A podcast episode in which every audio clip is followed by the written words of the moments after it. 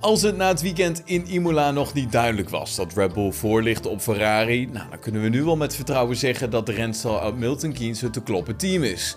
Helemaal op de zondag. Ferrari mag dan inderdaad wel een 1-2'tje bijschrijven voor de kwalificatie. Waarin Charles Leclerc zijn teamgenoot versloeg in de strijd om de pole position.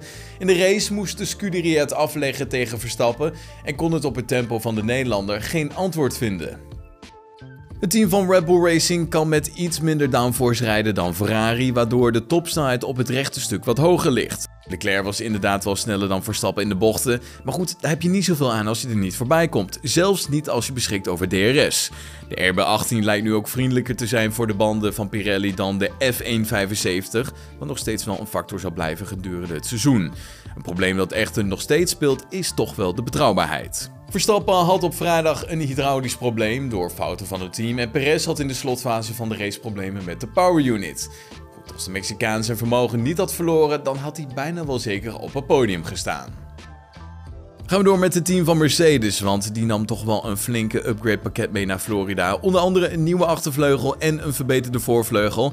Ja, dat leek wel allemaal goed te werken bij George Russell, die de snelste was in de tweede vrije training.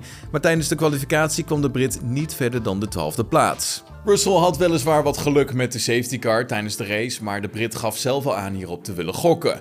Ook mag hij een klein bedankje uitdelen aan Valtteri Bottas die tegen het einde van de race aan het klungelen was en zijn Alfa bijna de muur instuurde. Nou, hierdoor kon Russell profiteren en een plekje opschuiven.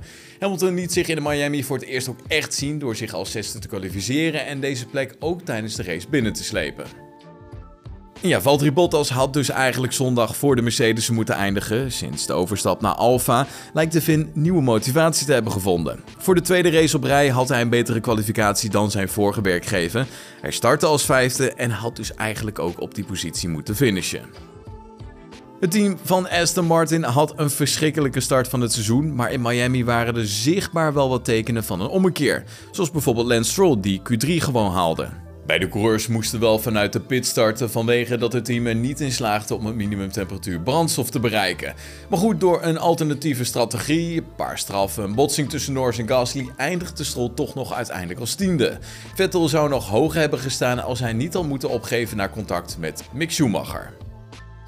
Voor Schumacher zal het contact met Vettel toch wel echt een leermoment zijn geweest. De jonge Duitser was op weg naar zijn eerste WK-punt in de Formule 1 totdat hij in botsing kwam met de viervoudig wereldkampioen van Aston Martin. Uiteindelijk eindigde de rijder in dienst van Haas als vijftiende. Na de wedstrijd was de pijn in zijn stem te horen in een weekend dat tot op heden zijn beste uit de sport zou gaan worden.